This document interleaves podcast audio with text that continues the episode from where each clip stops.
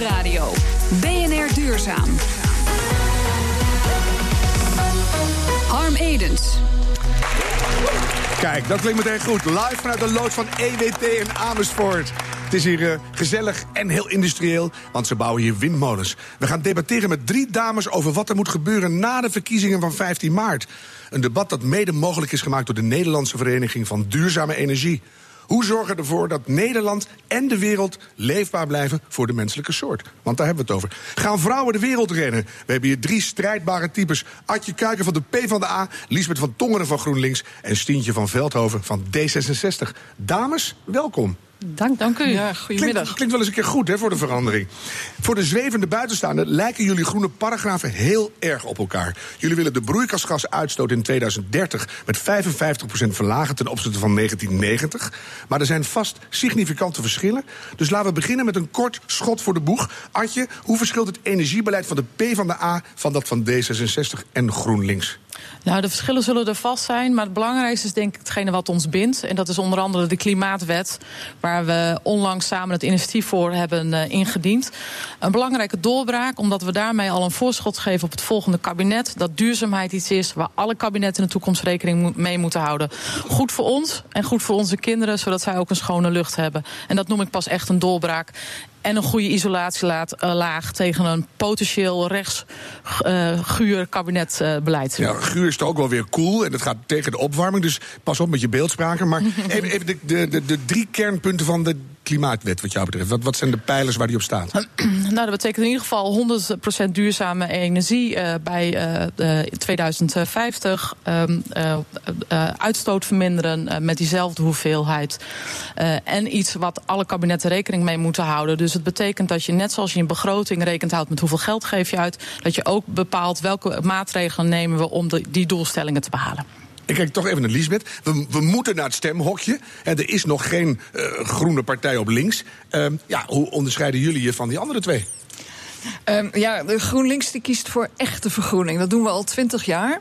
Wij dit, zeggen dit gaat niet... toch even, echte vergroening, die onthouden jullie even, dames. Hè? Ja. Ga door. Wij zeggen niet van je kan een beetje van dit doen. Uh, we kijken nog even um, of we misschien op termijn toch schaliegas veilig zouden kunnen winnen. We doen toch nog een, een tijdje biomassa bijstook. Nee, ik denk uh, dat de bevolking, dat je die het beste mee kan nemen als je een heldere keuze maakt, een duidelijke richting zet. En ook het werk van de toekomst zit vooral, vooral aan de duurzame kant. Mm -hmm. Huizenisolatie, super efficiënt gebruiken van energie. Nou, wat we hier zien waar we te gast zijn, wind en ook uh, zonne-energie. Daar zit en het werk van de toekomst in en dat geeft echt schone energie. Dus daarom moet je heel snel afscheid nemen van fossiel. En dat moet uitgelegd worden aan iedereen in Nederland wat dat betekent in je eigen leefomgeving. Maar als je één richting zet, kom je er. Blijf je op twee gedachten hinken zoals het huidige kabinet. Ja, dan kom je er dus niet. Dan gaan mensen en in de weerstand tegen schone energie en in de weerstand terecht tegen allerlei fossiele winningen. Dus ten opzichte van de PvdA zou je kunnen zeggen dat de richting hetzelfde is, het gevoel is hetzelfde, alleen bij jullie is de urgentie hoger. Het tempo is hoger en wij kiezen één richting. De PvdA heeft in het, uh, in het kabinet ook gekozen van, nou ja, een beetje fossiel moet kunnen en als het veilig is moet het kunnen. He, hun hart zit op de goede plek, maar ze hadden er echt werk van moeten maken in de vorige vier jaar. En samen kunnen we dat in de komende vier jaar met de klimaatwet een stuk beter aanpakken. Samen klinkt belangrijk. Stientje, D66, ook supergroen. Inderdaad, ja. Ook wat groen betreft hoef je wat dat betreft niet naar GroenLinks. Um, en het verschil met, uh, met D66 is dat wij de afgelopen jaren, denk ik, hebben laten zien dat we niet alleen op papier zeggen we gaan het helemaal anders doen, maar dat we het ook voor elkaar krijgen. Wij hebben samen met de Partij van de Arbeid de afgelopen jaren 2 miljard aan fiscale vergroening uh, weten te realiseren. 100 miljoen extra voor natuur.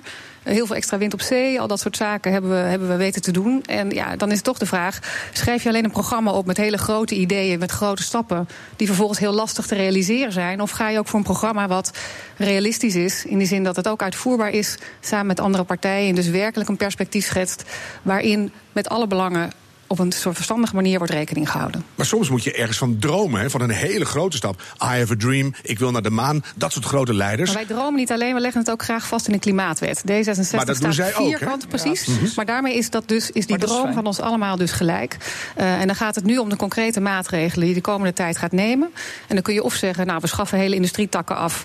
of we verplaatsen allerlei werkgelegenheid naar het buitenland. Daar schiet eh, dat schiet je in de modellen van het PBL misschien wat mee op, maar Mhm. in de echte wereld natuurlijk niet. En dan verliezen we alleen maar werkgelegenheid in Nederland. Daar kiest D66 niet voor. Maar die doelen van die klimaatwet staan voor ons eh, als een paal boven water. Die gaan we gewoon halen. Ja. Want we denken dat de economie er zelfs sterker van kan worden. door die heldere keuze voor die richting te maken. Mhm. En ook hè, d- dat langetermijnperspectief en die voorspelbaarheid. waar Adje Kuiken net ook aan Ja, refereerde. die- zijn cruciaal. Hoor je vaak bij het bedrijfsleven. Hebben we langjarig beleid nodig? Ja. Ik kijk even naar GroenLinks. Nou ja, want jullie worden toch zijn- indirect een beetje aangevallen nu. Dat, dat zijn eh, hele mooie teksten, maar vaak als je in het verleden kijkt, kan je zien wat dat waard is. En bijvoorbeeld hè, waddengaswinning hebben we te danken aan D66-minister Weijers. De kolencentrales hebben we te danken aan D66-minister Brinkhorst. Schaliegas staat in het verkiezingsprogramma van D66. Dat doen we niet tot 2023, maar wat gebeurt er daarna? Dus ja, we zijn het eens met de klimaatwet en de richting. Maar D66 heeft toch in het verleden laten zien, net zoals ook ja, helaas de PvdA, dat als het erop aankomt, dat het dan toch een heel stuk minder groen ook wel mag. En GroenLinks. Heeft het, ook te maken met, heeft het ook te maken met het feit dat regeringsverantwoordelijkheid andere verplichtingen met zich meebrengt? Het heeft andere keuzes. En Jullie staan dus- tot nu toe mooi in de coulissen te belegen. We zijn heel groen. En dat moet ook. Maar stel dat je het moet gaan uitvoeren. Is het dan ziet, rea- Je ziet realistisch? dus dat deze twee partijen, wanneer ze meeregeerden, een stuk minder groen waren. Nu gelukkig weer meegaan met de klimaatwet van PvdA en GroenLinks. Ja, heb je er vertrouwen in dat in de echte werkelijkheid dan die hele stevige groene ruggengraat blijft staan? En volgens mij heb je daar GroenLinks voor nodig in een regering om te zorgen dat groen praten ook groen doen wordt. Laat ik het anders formuleren. Mag ik er even op reageren? Ja, mag, want eh, eh, groen praten, groen doen, dan moet je ook wel meedoen. En inderdaad, daar heeft tot nu toe natuurlijk aan ontbroken bij GroenLinks... dat ze ook mee konden doen. Eh, en dan nog even over de voorbeelden die werden genoemd. Hè. Eh, de kolencentrales. Minister Brinkhorst destijds eh, moest in een situatie... waarin de elektriciteitsprijzen in Nederland heel erg hoog waren... een besluit nemen over hoe zorgen we ervoor dat die prijzen naar beneden gaan. Achteraf gezien was het natuurlijk helemaal niet slim... om daar kolencentrales voor in de markt te zetten. En daarom heeft D66 ook de motie ingediend om alle kolencentrales in Nederland te sluiten. Maar van dat was een motie van Want D66. we gaan- Schaliegas- we gaan vanaf nu gewoon vooruitkijken, Stientje. Nee, maar? Schaliegas, was, er was een, lag een moratorium tot 2023. Mhm. D66 heeft gezegd, in ieder geval tot het einde van het energieakkoord... want dan konden we namelijk het CDA meekrijgen... zorgen we ervoor dat het niet gebeurt. Zo breed mogelijk die coalitie zoeken, dan weet je zeker dat het niet gebeurt.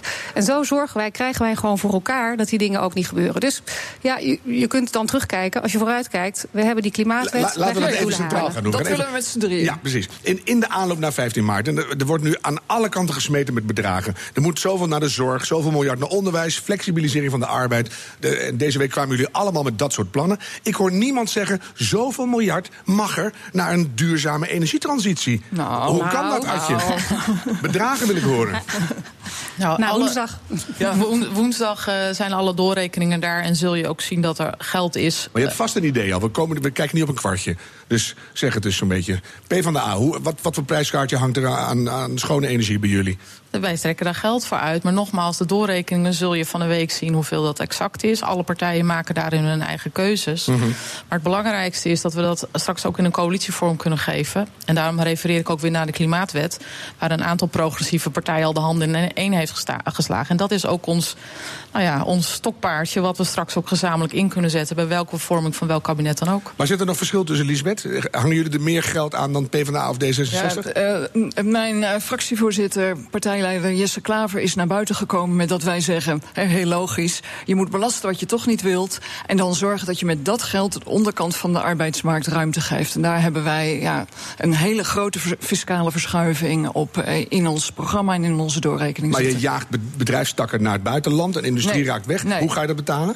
Je zal zien, maar ja, dat is allemaal je zal zien. Het komt woensdag uit en dan zal je zien dat dat en voor de wereld, de vorige doorrekeningen hebben dat ook laten zien, dat je en enorm veel minder CO2-uitstoot kan krijgen, schonere lucht, schonere leefomgeving en meer werk in Nederland. We kijken niet op een kwartje, we kijken denk ik ook niet op een miljardje. Als je het hebt over de, eh, de, de opgave die er nog ligt voor duurzame energie, zal er gewoon nog veel geld, veel investeringen nodig zijn. Want ik denk dat we ook met elkaar eh, er op die manier naar moeten kijken. Investeren in het verduurzamen van huizen, investeren in windmolens. Het levert ook heel veel werkgelegenheid op voor Nederland. En dat betekent dat we niet meer al die tijd ook geld naar het buitenland, naar buitenlandse bankrekeningen sturen. om andere regeringen schatrijk te maken. Dus door te investeren in onze energievoorziening, investeren we ook in onszelf. Zullen we even inzoomen? Als we om heen kijken zien we allemaal onderdelen van windturbines, windmolens. Dat is een hele duurzame plek waar we zijn. En eh, dan, dan oh, merk je dat landelijk wordt door politieke partijen hele andere dingen gezegd dan door jullie lokale afdelingen. Bijvoorbeeld PvdA, Windpark Drenthe, dat was geen goed idee. Nou ja, wat je ziet bij dat soort eh, besluitvormingsprocessen, dat dat natuurlijk altijd moeizaam gaat. De ene keer wat beter dan de andere keer. Mhm. En dat er natuurlijk sprake moet zijn van draagvlak. Maar ik ga ook even naar de Maar PvdA. zowel voor windmolens Of, als eh, voor zonneparken. En dat dat belangrijk is. Overigens kun je ook nog wel wat doen als overheid om dat draagvlak te vergroten. Behalve alleen goede besluitvorming. Zorg er ook voor dat mensen er ook wat geld aan kunnen verdienen. Ja. Nee, want, oh, jullie dus dat is een van de zaken die je kunt doen om ervoor te zorgen dat het niet alleen maar iets is van het Rijk, maar Mm. juist van mensen eh, eh, en windmolens, dan wel zonneparken beheren samen. En met jullie kregen Windpark Drenthe. D66 had ineens in Zandvoort iets tegen windmolens op zee. Eh, Utrechtse raadsleden van D66 keerden zich tegen een windpark bij de stad. En GroenLinks, jullie vonden het Gooimeer weer niet zo denderend, hè? Dus eh, dat is toch lastig. Waar, waar moeten die dingen staan? Nou, het is heel belangrijk dat, uh, uh, precies eigenlijk wat Adje zegt, dat we zorgen dat dat soort besluiten heel dicht bij de mensen zelf genomen worden. En daarom heeft D66 ook uh, motie ingediend om ervoor te zorgen dat je bij dit soort grote infrastructurele projecten altijd een omgevingsmanager aanstelt. Iemand die Mhm. niet van het Rijk is, die niet van de bewoners is of die niet van de initiatiefnemers is, maar een onafhankelijk iemand die ervoor zorgt dat dat proces echt goed loopt en dat er naar iedereen echt goed geluisterd wordt.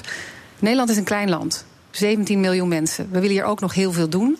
Dat betekent dat je nooit iedereen kunt ontlasten. En maar je af en toe wel... nog een horizon, hè? Dat je denkt, niet ja. overal windmolens. Nee, we maar- hebben ook een verantwoordelijkheid voor het landschap. Maar we moeten altijd die, al die belangen tegen elkaar afwegen. En mijn ervaring is, als woordvoerder, ik ga heel vaak ook het land in... dat mensen, als je echt naar ze luistert... en ze ook echt uit- uitlegt waarom hun idee toch niet het optimale idee is... dat ze het dan ook wel snappen. Dan zijn ze nog niet blij mee, maar dan zeggen ze tegen mij... we zijn in ieder geval wel blij dat je daar eerlijk over bent. En we snappen dat je de afweging maakt om zo min mogelijk mensen last te geven. En dan krijg je mensen toch mee. Dus betrek mensen er heel vroeg bij. Luister goed naar hun ideeën. Dan Mhm. komen we in Nederland een heel stuk verder. Ja, nou ja, inderdaad. hoe doen jullie dat? Nou, de- wat ik hele mooie voorbeelden vind is één in Deventer. Daar was ik eh, van het weekend heb ik overlegd met eh, de mensen die daar werken. Is dat je een eh, lokale energiecoöperatie met een commercieel bedrijf krijgt. Dus je hebt de commerciële kracht en de maat van dat bedrijf. Maar je hebt de lokale mensen die zowel zeggen hoe willen we het ingepast hebben. Maar die kunnen er ook zelf wat aan verdienen.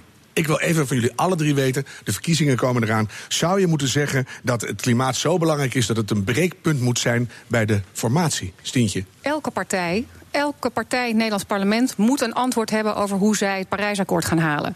Dus in die zin kan het voor niemand een breekpunt, nog een maakpunt zijn, want elke partij moet er een antwoord op hebben. Deze drie partijen hebben daar een antwoord op. Ik ben heel erg benieuwd naar een partij als de VVD. Die ook voor de ratificatie van Parijs stemde. Maar waarom moeten we op jou stemmen? Want de. VVD wil ook best wel een groene wereld met Parijs en zo. Nou, de VVD die, eh, laat er toch nog steeds allerlei eh, twijfels over eh, bestaan. Of zij wel of niet die Parijsdoelen echt halen. En wij wel. Nee, er, kan, er kan geen coalitie plaatsvinden zonder dat ze het klimaat serieus nemen. Dat is niet meer van deze tijd. En bovendien, als ik bedrijven spreek, ook die beginnen eerst met een heel verhaal over waarom zij duurzaamheid zo belangrijk vinden. Dat is normaal, hoort bij deze tijd. Maar is het een breekpunt? Moet je gewoon zeggen, hé, hey, als we niet met elkaar keiharde de klimaatdoelstellingen hebben... dan doen we het gewoon niet. Nou, dat zijn Gaat niet gebeuren. Er zijn bepaalde woorden die we niet meer gebruiken. Eh, maar geen enkele coalitie kan tot stand komen zonder dat klimaat er een essentieel onderdeel van is. Lisbeth? Ja, dat is een van de grote redenen waarom eh, GroenLinks aan tafel zou gaan zitten. Is dat je op de groene kant. Maar ja, daar heb je de hele maatschappij op mee. Want als je naar de bevolking kijkt. Mensen verwachten dat gewoon. Die verwachten dat van Den Haag. Die willen dat eh, voor Parijs, maar ook voor hun eigen leefomgeving. En mensen willen gewoon gezonde lucht kunnen inademen. En een van de dingen die je daarvoor moet doen. is van dat fossiel af naar schoon. Daar is enorm draagvlak voor. Dus dat moet gewoon in het volgende regeerakkoord. Klimaatverandering in Nederland is nog te veel van de elite... terwijl veel meer mensen de overstap naar een duurzame samenleving willen maken. Welke politicus zei dit? Wie het weet mag het zeggen. Na de reclame. BNR Nieuwsradio. BNR Duurzaam.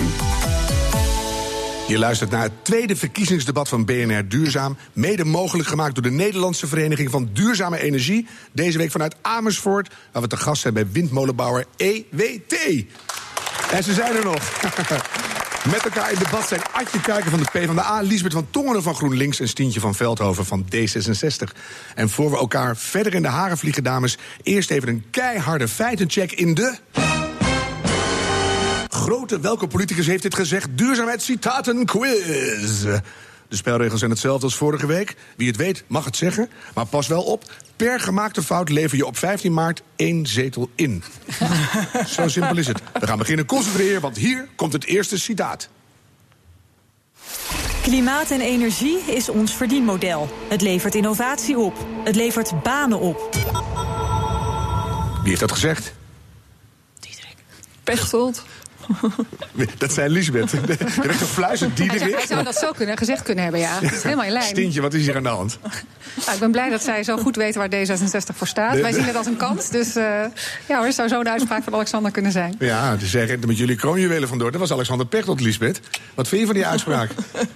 Nou ja, we hebben niet voor niets samen een klimaatwet eh, gesloten. Dus natuurlijk hè, willen wij D66 er heel graag bij. Dat is de nieuwe pleister op iedere klimaatwonde, hè? De, de, klimaatwet. Dat kun je, Ja, dat kun je is echt- overal op zeggen nu. Nou, dat is echt een huzarenstukje. Want het is niet zo vaak gebeurd dat fractievoorzitters samen een initiatiefwetsvoorstel op een van de belangrijkste problemen indienen. Dus dat vind ik echt een verdienste van Diederik Samson en Jesse Klaver. En vervolgens is het ongelooflijk fijn dat andere partijen zich daarbij aangesloten hebben. Dus daar kunnen we als Nederland trots op zijn. En daar zijn we als politiek ook trots op. Weet je wat ik nou zo jammer vind, Adje? Dat toen Samson er nog zat, eh Asscher niet gewoon samen met hem de partij is gaan leiden. Ook lekker, lekker duurzaamheid in beleid. Maar goed, dit geheel terzijde. Hier komt citaat nummer 2. We moeten besparen, het duurzaam opwekken van energie en recyclen leuk maken. Recyclen leuk maken, wie heeft dat gezegd? Ja, dat moet GroenLinks zijn geweest. Maar wie? Vast Liesbeth. Die had het zo gezegd kunnen heeft het zelf gezegd. Zou dat kunnen? Dat is niet goed trouwens. Wie heeft het gezegd? Nou, ik ben niet zo voor het leuk. Ik vind, hè, dan krijg je zo'n meisjesonderwerp dat het leuk moet zijn met vlechtjes en zo. Maar het is een bloedserieus onderwerp en een uitdaging voor deze hele wereld. Dus het moet hè, interessant zijn, geld opleveren. Het moet zoden aan de dijk zetten. Dat soort dingen zou ik wel gezegd hebben. Ja, had je, had je wie het zou het gezegd kunnen hebben? Echt Marianne sorry. Tieme. Dat is ook een goeie. Nee, ook niet. Jasmin Segerek misschien, die is ook erg van de, Oh ja, van de van de- circulaire economie. Noem Ja. iedereen die je kent die wel eens iets groens gezegd heeft. Daar zijn we wel was, even eh, bezig. Het was Emiel Roemer. Die moet het leuk hebben. Die houdt toch? van vlechtjes. Ja, van vlechtjes. houdt van vlechtjes. Ja, als je in een, in een duplexwoning woont met een lekkere gaskachel... dan moet het ook af en toe leuk zijn natuurlijk. Gezellig Dus, in eh, Brabant. We Ja. doen er nog één. Hier komt citaat nummer drie. De huidige economie is als een fietser die alleen overeind blijft als hij steeds harder gaat fietsen. Koop die auto. Steek je nek nou toch eens uit voor een Rutte. nieuw huis. Lisbeth zegt Mark, Rutte. Mark Rutte. Ja, daar moesten we toch meer auto's Oei. kopen. Ja. Ik heb Sibrand Buma wel eens in een reclamespotje op een fiets gezien. Oh ja, dus, eh, die dat zou het ook nog kunnen zijn. Ja, of eh, minister van Huizen Stef Blok. Die kwam ik tegen zou met een te krap fietsbroekje in Engeland. Maar dit geheel terzijde. weten? Maar eh, Too much information. hoe lang ben jij... Ja, oversharing. Hoe, lang, hoe laat ben je morgen op het Binnenhof? Ehm, om half tien? Dan moet je echt wat uitleggen, want dit was echt niet Mark Rutte. Artje, wie zou dat kunnen zijn? Ik heb, sorry, ik weet het niet. Er zit een soort rare incongruentie in die uitspraak. Marianne Thieme dan nog. Nou ja, kijk. Kijk. Heel goed. Marianne Thieme. Die toch het altijd net zou weten zeggen dat ik wel getriggerd raak. Hebben jullie dat ook? Jij hebt dat. Echt, jij. Ja, ik vind het toch af en toe denk ja, is het nou een goede partij? Maar ze zegt het soms wel akelig Ze goed kan het hoor. soms heel mooi zeggen. Ik vind dat ook. Absoluut. Hier komt jullie laatste citaat. Wij zijn geen tegenstander van duurzame energie, maar we zijn wel een partij tegen dure energie. VVD. Ja? Halbe Zijlstra? Ja? Nee? Adje, dit is je kans om vol punten te scoren. PVV? Het kan gewoon nog erger. PVV? Ja. En wie dan? Renette Kleuver? Echt waar? Er zegt toch nooit iemand anders dan Geert Wilders iets bij de PVV? Jawel, Dit was hoor. gewoon, ja, heel soms. Dit was gewoon Geert Wilders. Ja, Nou, de VVD had het ook zo kunnen zeggen, hoor. Ja, daarom. Als je ze een beetje beluistert, dus wat dat betreft. Dat is toch gek, hè? Dat de discrepantie zit in... we willen allemaal Parijs en dan is het het allergrootste probleem wat we hebben. En wat gaan we doen? We gaan toch een beetje weer wiebelen. Precies, en dat is, ook, dat is niet alleen maar gek, dat is ook gewoon kwalijk. Als Ja. je als Nederland, als een van de belangrijke voorvechters in die internationale onderhandelingen, echt inzet op die hele eh, stevige doelstellingen. Ster- Sterker nog, Nederland heeft er echt voor gepleit om richting die anderhalve graad te gaan. En dan komt het op ratificatie aan. En dan Ja, de, de partij die je premier levert, die tekent wel. Stemt ook gewoon in met de ratificatie, maar gaat daarna daaromheen toch nog allemaal ja, god, maar, mitsen en maren. Ja, en hoe dat moeten we kan het nou natuurlijk niet. uitvoeren? Nee, daar hebben wij ook nou ja, gedrieën in het debat eh, de VVD heel stevig op aangesproken. Mooi. Wie heeft er gewonnen eigenlijk? Heeft iemand de stand bijgehouden? Ja, toch een klein beetje stientje. hè? Je had er per ongeluk een goed stientje. Mogelijk en goed. Ja, dankzij Marianne Thieme. Heel goed applaus voor Stef Tintje van Veldhoven. Zo. We gaan uh, verder en hopelijk ook dieper met elkaar in gesprek. En vanaf nu mag de zaal ook meedoen. Ik heb een uh, prachtige gele microfoon voor jullie klaarstaan. En laat ik beginnen met de eerste stelling. Bij de komende verkiezingen gaat de VVD stemmen wegzuigen bij de andere partijen om de PVV te verslaan, is het idee nu. Zeker ook bij D66 en de PvdA. Dus groene partijen moeten als de wiede weerga een groene kiescoalitie vormen. Adje. Nou, dat hebben we al gedaan. Precies. Met de klimaatwet. Ik herhaal het nog maar. maar nu moet het veel duidelijker, wat mij betreft. Nou, we, weet je, ter plekke sluiten we nog een uh, groene stembusakkoord. Uh, Zoiets. Ik, vind ik een heel goed plan. Een Gronings gaswinakkoord. Maar er, is een, er is een alternatief. dat is groen. dat is duurzaam. goed voor de werkgelegenheid. Maar je snapt met dus, de kern van mijn stellingen. Het gaat er toch om, ook qua lijsttrekkersdebat wat wie niet doorgaat. Wie wordt de grootste? Dat vinden mensen heel belangrijk. En dan kan je allemaal nog zo groen zijn, maar als het tussen alle linkse partijen en een beetje D66, dan wordt toch of Geert of Mark worden de grootste. ik denk, dat, even heel ik, denk, ik, denk, dat het, uh, dat het signaal van die klimaatwet een heel belangrijk signaal was. Uh, daarvan hebben we met elkaar gezegd: wij staan hiervoor en we zetten daarbij niet zozeer op de individuele maatregelen in, maar op het doel. En dat doel niet alleen maar morgen, dat doel niet overmorgen, maar een doel in 2050, teruggerekend vanaf dan. Wat moeten we gaan doen met de instrumenten die daarbij horen? Ik denk dat dat een heel krachtig is. En inderdaad, Adje en ik hebben al wel eens gesproken over een groen stemmersakkoord. Uh, om te kijken of we dat idee van die klimaatwet zouden kunnen uitbouwen. Want er is nog veel meer nodig. We moeten ook kijken naar natuur. We moeten kijken naar luchtkwaliteit. Er Dan zijn heb je heel nog veel een dikke punten. maandstientje. Je Ja, moet zeker, opschieten. maar dat gaat. Uh, bovendien, de, de verkiezingsprogramma's van CDA en PVV en VVD liggen heel dicht bij elkaar. Jaag ze nou niet in elkaars armen. Kies voor een sociaal alternatief en een groen alternatief. Uh, en uh, mijn partij, Partij van de Arbeid, hoort daar zeker bij. Lisbeth? Um, ja, um, ik ben het helemaal eens met de klimaatwet uiteraard en de doelen op de langere termijn. Maar je moet ook he, boter bij de vis leveren. Dus op de 17e ben ik heel benieuwd of ook de andere partijen flink verschuiven. En he, de milieuvervuiling duurder maken. En de vergroeners belonen. Ik ben ook benieuwd naar het autobeleid. Heb jij een Of- andere datum dan ik trouwens? Het is toch de 17e dat die doorrekeningen daar Oh, de uitkomen? doorrekening. Ik dacht van misschien Oh, ga je op de 15 maart. 17e stemmen, maar dan ben je Nee, twee dagen te laat. Maar je, Ja. je, je vraagt naar hele specifieke Ja. maatregelen. Die staan er allemaal in opgezomd. Dan kan je ze word je de allemaal weer vergelijken. nu? Ehm, of je per se allemaal de grootste moet willen worden... dat vind ik ja, toch een beetje een mannenspelletje. Wie heeft de grootste? Ja. Het gaat erom, hoe kan je... in Nederland is een coalitieland... hoe kan je een goede coalitie sluiten... waarbij partijen zitten die echt Nederland vooruit helpen. Als je nu kijkt naar de peiling, heb je voor jullie klimaatwet meer dan vijf partijen nodig. Dat wordt onhandelbaar, zou je zeggen. Wat ook zo 70% belangrijk is, van de mensen, 70% van de mensen heeft nog niet gekozen. Eh, dus stem met je hart, maar stem Precies. ook voor de toekomst van je kinderen, omdat die ook gewoon een schone lucht willen. En kies dan een partij die daar het beste mee voor heeft. En dat is, zijn in ieder geval niet de PVV, dat zijn niet de VVD en is ook niet het CDA. Punt. En laten we dus niet inzetten op een kabinet waarin de helft van Nederland zich niet, er- niet herkent. Doordat het alleen maar of extreem aan de linkerkant of extreem aan de rechterkant van de kiezersspectrum zit. Mhm. Maak dus het midden sterk. Dan weet je zeker dat er een goede balans in komt. En dat Maar we dat daarmee krijg je een nu veel. Je kan krijgen. 2,5 miljoen mensen niet negeren, maar die andere Maar die 15,5 andere ook miljoen. niet. Ook niet. Precies. Nee. Dus Er daarom staat, is het iemand, midden belangrijk. er staat iemand achter de microfoon. Wie ben je en wat wil je weten? Teun Bokhoven van de NVD. Ehm, de VVD die heeft er eh, duidelijk voor gekozen om het eh, CO2-beleid internationaal aan te pakken. via het ETS-systeem. Dat eh, heeft nou twintig jaar lang niet gewerkt met een veel te lage prijs. Hoe zou je dat nou in Nederland kunnen vormgeven? Duidelijk, Adje. Door gewoon onze eigen ambities eh, voorop te stellen. Kijk, we hebben de afgelopen vijf jaar eh, tegen weer en wind bijna heel hard geknopt om juist stappen te zetten. Om te komen tot een geme- gemeenschappelijk eh, energieakkoord. Ik zou ook in het volgende kabinet willen pleiten voor een energieakkoord 2.0. Waarin je zelf ambitieus bent, waarin je zelf je doelstellingen stelt. En waar je ook koploper kunt zijn voor de rest van, van, van Nederland en Europa en de wereld. Maar je hoort steeds, dan is er geen level playing field. Nederland loopt te ver vooruit. Dat kost allemaal weer ontzettend veel werkgelegenheid en gedoe. Hoe, hoe pak je dat aan? Juist die kopschuwheid zorgt ervoor dat we nu op, andere, op sommige fronten achterlopen. Denemarken heeft ons ingehaald als het gaat over windenergie. Wij zijn weer forse stappen aan het zetten om dat weer bij te lopen. Maar dat moeten we dus niet laten versloffen. We moeten ju- nu juist doorpakken. Lisbeth. Energie is Ja. niet alleen belangrijk voor onze kinderen, maar juist ook als het gaat over onze werkgelegenheid. En kunnen we juist heel veel geld eh, verdienen en banen creëren. En daarom geloof ik er ook in. Je zult op drie doelen in moeten zetten, zoals we nu ook doen. Niet alleen naar de CO2 kijken, maar ook zeggen: ik wil een echt een harde doelstelling op hoeveel uh, efficiënter, hoeveel zuiniger ga ik mijn huizen en bedrijven maken in Nederland.